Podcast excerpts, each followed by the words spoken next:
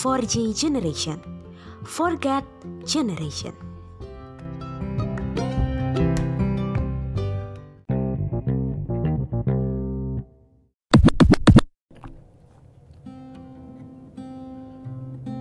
Shalom teman-teman Saya berharap di mana pun teman-teman berada saat ini Semuanya dalam keadaan yang baik-baik saja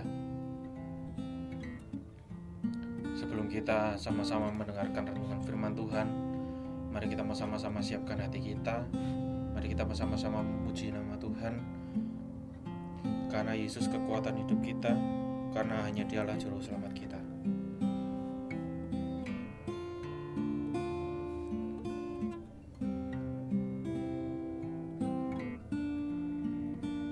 Hanya Engkau Tuhan Juru Selamat kami, Yesus.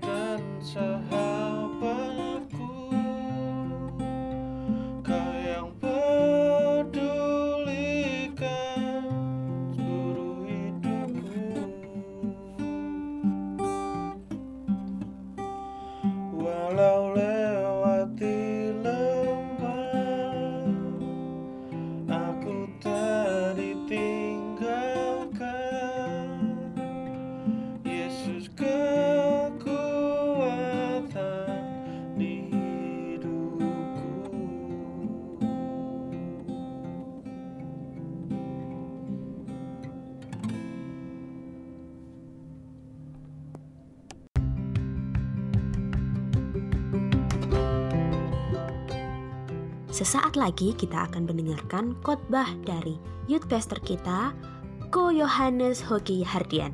Selamat mendengarkan.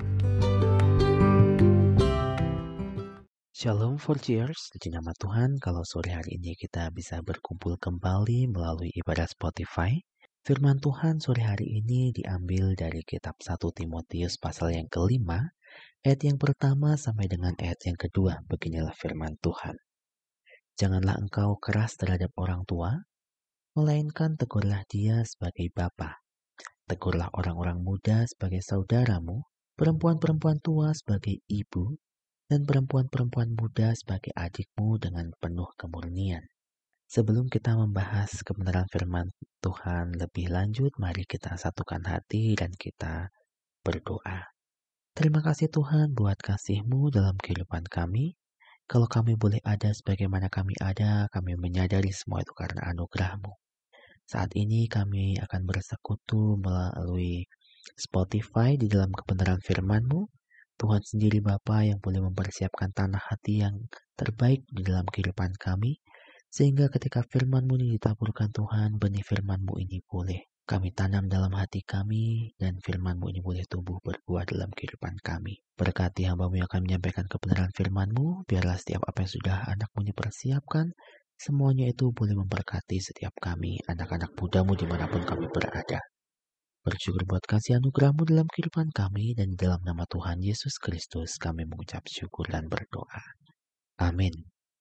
Teman-teman, sore hari ini kita akan bersama-sama membahas satu pokok bahasan firman Tuhan yang saya beri judul Act Your Faith Out. Nah, Sobat Forgeers mungkin bertanya nih, bagaimana bisa sih kita menjalankan iman kita menjadi satu tindakan yang nyata? Pasti semuanya itu tidak semudah kita membalikan tangan kita, bukan? Dan pasti akan ada usaha dan juga ada tantangan yang ada dalam kehidupan kita. Sebelum kita membahas pokok bahasan hari ini, ada baiknya bila kita kembali melihat apa yang sudah kita sama-sama baca sepanjang bulan ini. Teman-teman, kalau teman-teman ingat di awal pembacaan surat 1 Timotius ini, kita diingatkan oleh Paulus bahwa Paulus di situ memberikan kepada Timotius satu pesan akan adanya ajaran-ajaran sesat yang berkembang di kota Efesus. Dan di sini Paulus meminta Timotius untuk menegur jemaat yang ada di sana, bukan berdasarkan amarah, tetapi berdasarkan kasih.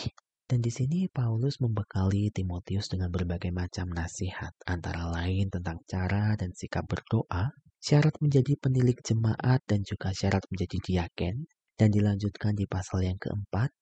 Di sana Paulus memberikan nasihat kepada Timotius tentang bagaimana dia harus menghadapi ajaran sesat itu. Dan untuk mengakhirinya, Paulus memberikan satu nasihat yang sangat menguatkan hati Timotius dengan berkata, Jangan seorang pun menganggap engkau rendah karena engkau muda. Jadilah teladan bagi orang-orang percaya dalam perkataanmu, tingkah lakumu, dalam kasihmu, dalam kesetiaanmu, dan dalam kesucianmu. Dan selanjutnya di pasal yang kelima, Paulus di sini memberikan nasihat juga kepada Timotius tentang bagaimana dia harus melayani jemaat Tuhan, terkhususnya dalam hal tegur menegur saudara seimannya. Dan Paulus meminta Timotius untuk memperlakukan saudara seimannya seperti dia memperlakukan anggota keluarganya sendiri. Dengan memberikan peringatan ini, Paulus ingin Timotius menghormati dan tetap menghargai saudara seimannya. Terlebih orang-orang yang notabene adalah berusia sudah lanjut usia atau bisa dikatakan sebagai orang-orang tua. Dan hal ini Paulus katakan untuk mengingatkan kepada Timotius kembali bahwa setiap hal yang dia kerjakan itu harus didasarkan atas kasih Tuhan, bukan sekali lagi emosi atau amarah hatinya. Maksud dari Paulus ketika dia mengatakan tentang orang tua dan juga orang-orang muda di sini karena adanya tantangan yang datang dari golongan mereka. Dan sebagai pelayan Tuhan yang notabene-nya masih muda, Paulus berharap Timotius melayani mereka dengan sikap rendah hati, namun juga tetap tegas dan sesuai dengan firman Tuhan di dalam menegur jemaat yang ada. Dan hal ini berarti Paulus menghimbau Timotius untuk tetap memberikan nasihat dengan cara yang tetap menunjukkan respek kepada orang-orang tersebut, terlebih kepada mereka yang usianya lebih tua dari dia. Dan melalui nasihat ini, Paulus menghendaki Timotius untuk dia bisa mengaplikasikan setiap ajaran-ajaran yang telah diajarkan oleh Paulus kepada Timotius melalui tindakan nyata di dalam kehidupannya maupun pelayanannya. Melalui perenungan firman Tuhan sore hari ini kita diingatkan bahwa pemahaman tentang firman Tuhan yang baik sudah seharusnya itu tampak dari cara hidup kita, yaitu dengan cara melakukan dan menghidupi firman itu. Dan inilah yang menjadi kesaksian terbuka bagi banyak orang. Dan karena itu Paulus menasihatkan kepada Timotius untuk dia menjadi teladan bagi orang-orang percaya di dalam perkataan, tingkah laku, kasih, kesetiaan, dan kesucian hidupnya. Iman yang dia miliki tidak hanya untuk dia simpan dalam hati atau untuk dia renungkan saja, tetapi Iman itu harus dia lakukan, harus dia aplikasikan di dalam kehidupan sehari-hari. Sehingga kehidupannya bisa menjadi satu suratan yang terbuka bagi banyak orang dan melaluinya nama Tuhan dipermuliakan. Teman-teman sadar atau tidak, sebagai anak muda, kita memiliki kecenderungan untuk bebas berkreasi di dalam segala hal.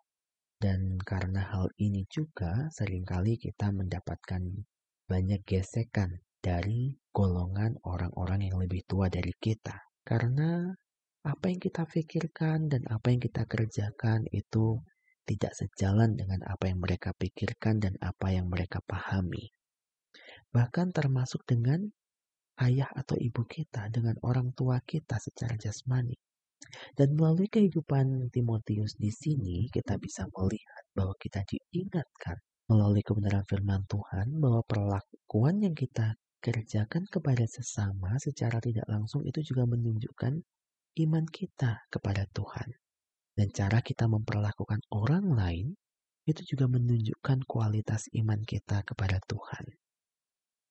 Teman-teman, kalau kita membuka Injil Lukas pasal yang ke-6, ayat 43 sampai dengan 45 di situ dikatakan, karena tidak ada pohon yang baik yang menghasilkan buah yang tidak baik, dan juga tidak ada pohon yang tidak baik menghasilkan buah yang baik, sebab setiap pohon dikenal pada buahnya. Karena dari semak duri orang tidak memetik buah ara, dan dari duri-duri tidak memetik buah anggur. Orang yang baik mengeluarkan barang yang baik dari perbendaharaan hatinya yang baik, dan orang yang jahat mengeluarkan barang yang jahat dari perbendaharaannya yang jahat. Karena yang diucapkan mulut meluap dari hatinya. Teman-teman firman Tuhan di sini mengatakan kepada kita bahwa sebuah pohon itu dinilai baik ketika dia menghasilkan satu buah yang baik. Karena melalui buahnya ini orang bisa menilai pohon itu. Mereka merasakan buah itu, mereka melihat besar atau kecil dari buah itu, baik atau buruk keadaan dari buah itu. Dan secara tidak langsung firman Tuhan juga mengingatkan kepada kita bahwa kehidupan kita pun sama seperti pohon ini.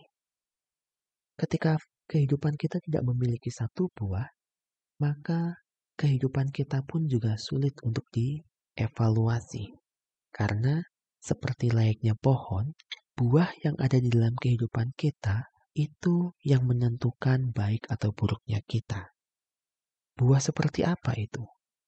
Buah-buah yang ada dalam kehidupan kita ada di dalam perbuatan kita, perkataan kita, dan juga tingkah laku kita. Kalau kita mau jujur dengan diri kita sendiri, sebagai anak muda sering kali kita merasa bahwa orang tua atau generasi tua mereka tidak pernah memahami kita. Atau mereka sering kali terlihat tidak menghargai kita, tidak menghargai setiap usaha pekerjaan kita. Dan hal ini membuat kita juga sering kali bertindak atau meresponi mereka secara kurang sopan atau kurang menyenangkan. Dan hal ini pun juga membuat mereka lebih lagi tidak percaya dengan kehidupan kita. Bahkan yang terjadi, sering kali kita pun juga merasakan hal yang demikian terhadap orang tua kita, sehingga kita tidak bisa menghargai mereka, kita tidak bisa menghormati mereka. Dan tentunya hal ini tidak sesuai dengan firman Tuhan. Karena firman Tuhan dengan jelas mengatakan kepada kita bahwa kita harus menghargai, kita harus menghormati ayah dan ibu kita. Namun sekali lagi, ironisnya yang terjadi di dalam kehidupan kita, kadang kita memiliki hubungan yang tidak harmonis dengan mereka karena tidak adanya saling percaya, karena tidak adanya saling keterbukaan satu dengan yang lain. Bila hal ini terjadi seperti demikian, maka bagaimana bisa kita memperlakukan orang lain seperti kita memperlakukan ayah dan ibu kita sendiri sesuai dengan kebenaran firman Tuhan yang kita bahas pada sore hari ini. Tentunya sulit bagi kita untuk memperlakukan orang lain seperti memperlakukan ayah dan ibu kita sendiri. Sedangkan kita memperlakukan ayah dan ibu kita sendiri layaknya seperti orang lain. Teman-teman saya sadar, hal ini merupakan tantangan besar bagi generasi muda saat ini. Ketika orang tua atau orang yang usia lebih tua dari kita, mereka tidak mempercayai kita, Hal itu bukan berarti bahwa kita adalah orang yang gagal, atau bukan berarti juga bahwa mereka merendahkan kita. Saya percaya pasti ada alasan tersendiri mengapa, mereka melakukan hal yang serupa kepada kita. Karena kalau kita mau jujur, sering kali tindakan atau respon yang kita lakukan, yang kita berikan kepada mereka, itu membuat mereka semakin ragu dan tidak percaya dengan kita. Namun kita bersyukur melalui kebenaran firman Tuhan pada sore hari ini kita diingatkan seperti layaknya Paulus yang menasihatkan kepada Timotius untuk dia menjadi teladan bagi orang-orang percaya dalam setiap perkataan, tingkah laku, kasih, kesetiaan dan kesuciannya. Tuhan pun juga menginginkan kita untuk kita boleh menjadi teladan bagi orang-orang percaya di dalam setiap perkataan, tingkah laku, kasih, kesetiaan, dan kesucian kita. Bila kita bisa melakukan hal itu, bila kita bisa menjalankan firman Tuhan dalam kehidupan kita, maka orang-orang lain akan bisa melihat buah yang baik dalam kehidupan kita. Dan hal ini saya percaya akan merubahkan juga paradigma mereka terhadap orang-orang muda. Lalu pertanyaannya bagaimana kita bisa melakukan hal ini? Pastinya sebelum kita melakukan kebenaran firman Tuhan, kita harus lebih lagi mengenal firman itu. Bagaimana caranya? Banyak hal teman-teman yang bisa kita kerjakan. Paulus mengingatkan kepada Timotius untuk senantiasa tinggal di dalam pengajaran Injil yang benar. Hal ini juga mengingatkan kepada kita untuk kita boleh senantiasa merenungkan firman Tuhan, menggali firman Tuhan dalam kehidupan kita. Sehingga ketika kita mendengarkan sesuatu hal yang bukan firman Tuhan, hati kita bisa peka. Oh, ini adalah pengajaran yang kurang baik. Oh, ini adalah pengajaran yang sesuai dengan firman Tuhan. Nah, kalau kita sendiri tidak mengenal firman Tuhan, bagaimana kita bisa menilai sesuatu hal itu sesuai dengan firman Tuhan atau tidak? Dan hal ini tentunya pasti akan sangat berpengaruh dalam kehidupan kita atau tingkah laku atau perilaku kita di dalam menjalani kehidupan ini. Sesuai dengan judul firman Tuhan sore hari ini, Tuhan mau kita menerapkan apa yang kita percayai, apa yang kita kenal, apa yang kita pahami di dalam Tuhan. Sehingga kehidupan kita ini menjadi satu kehidupan yang menyenangkan hati Tuhan. Sadar atau tidak sadar, ketika kita memberikan diri kita untuk kita bisa melakukan firman Tuhan. Kita membiarkan roh kudus itu bekerja dalam kehidupan kita. Dan ketika roh kudus bekerja dalam kehidupan kita, maka roh kudus itu nanti akan menuntun setiap kehidupan kita menjadi satu kehidupan yang lebih baik lagi di dalam Tuhan. Sehingga kita bisa menjadi para pelaku firman Tuhan.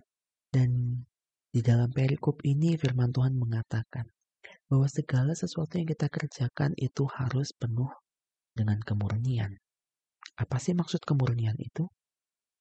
Maksudnya adalah Tuhan mau kita mengerjakan segala sesuatu bukan karena kita memiliki maksud tersembunyi atau bahasa kerennya ada udang di balik batu. Sebaliknya, kita harus melakukan segala sesuatu itu untuk kemuliaan nama Tuhan. Karena segala sesuatu yang ada dalam kehidupan kita, segala sesuatu yang kita terima, semuanya itu memang dari Tuhan. Dan sudah seharusnya lah semuanya itu kita kembalikan untuk Tuhan. Ketika kita memiliki hati yang murni, kita tidak memiliki satu maksud tersembunyi di dalam melakukan segala sesuatu. Saya percaya Tuhan pun akan menolong kita. Mari teman-teman kita mau belajar lagi menghargai orang tua dan bahkan saudara seiman kita. Sekalipun mereka melakukan kesalahan, Mari kita tidak menghujat atau menjatuhkan mereka. Biarlah kita dengan kasih menyatakan kepada mereka hal apa yang tidak berkenan di hati kita atau hal apa yang menjadi kesalahan di dalam kehidupan mereka.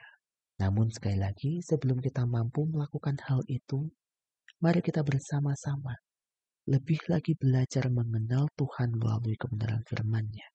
Dan kita memberikan diri kita untuk dibentuk oleh roh kudus sehingga kita semakin hari semakin dimampukan untuk boleh hidup sesuai dengan firman Tuhan dan menghidupi firman itu di dalam kehidupan kita. Tuhan Yesus memberkati. Mari kita berdoa. Tuhan terima kasih buat firman-Mu malam hari ini yang sudah boleh mengajarkan kepada kami untuk kami boleh menghidupi Bapa setiap kebenaran firman-Mu dalam kehidupan kami. Ajar kepada kami untuk kami tidak hanya memahami secara secara intelektual saja, tetapi sebaliknya biarlah Tuhan kami boleh Bapa mengalami Tuhan setiap pekerjaan tanganmu di dalam kehidupan kami yang memampukan kami untuk kami boleh senantiasa bersandar kepada Engkau, senantiasa Tuhan mengerjakan Bapa kebenaran firman-Mu ini dalam setiap kehidupan kami. Ampuni kami atas kelemahan kami, dan biarlah Engkau sendiri Tuhan yang boleh membimbing setiap langkah kami. Kami percaya Tuhan, anugerahmu ada dalam kehidupan kami, dan kami percaya kalau Engkau menolong kami untuk kami boleh hidup sebagai pelaku-pelaku firman-Mu. Terima kasih Tuhan buat kasih-Mu. Dalam namamu yang kudus Tuhan Yesus Kristus, kami mengucap syukur dan berdoa. Haleluya. Amin.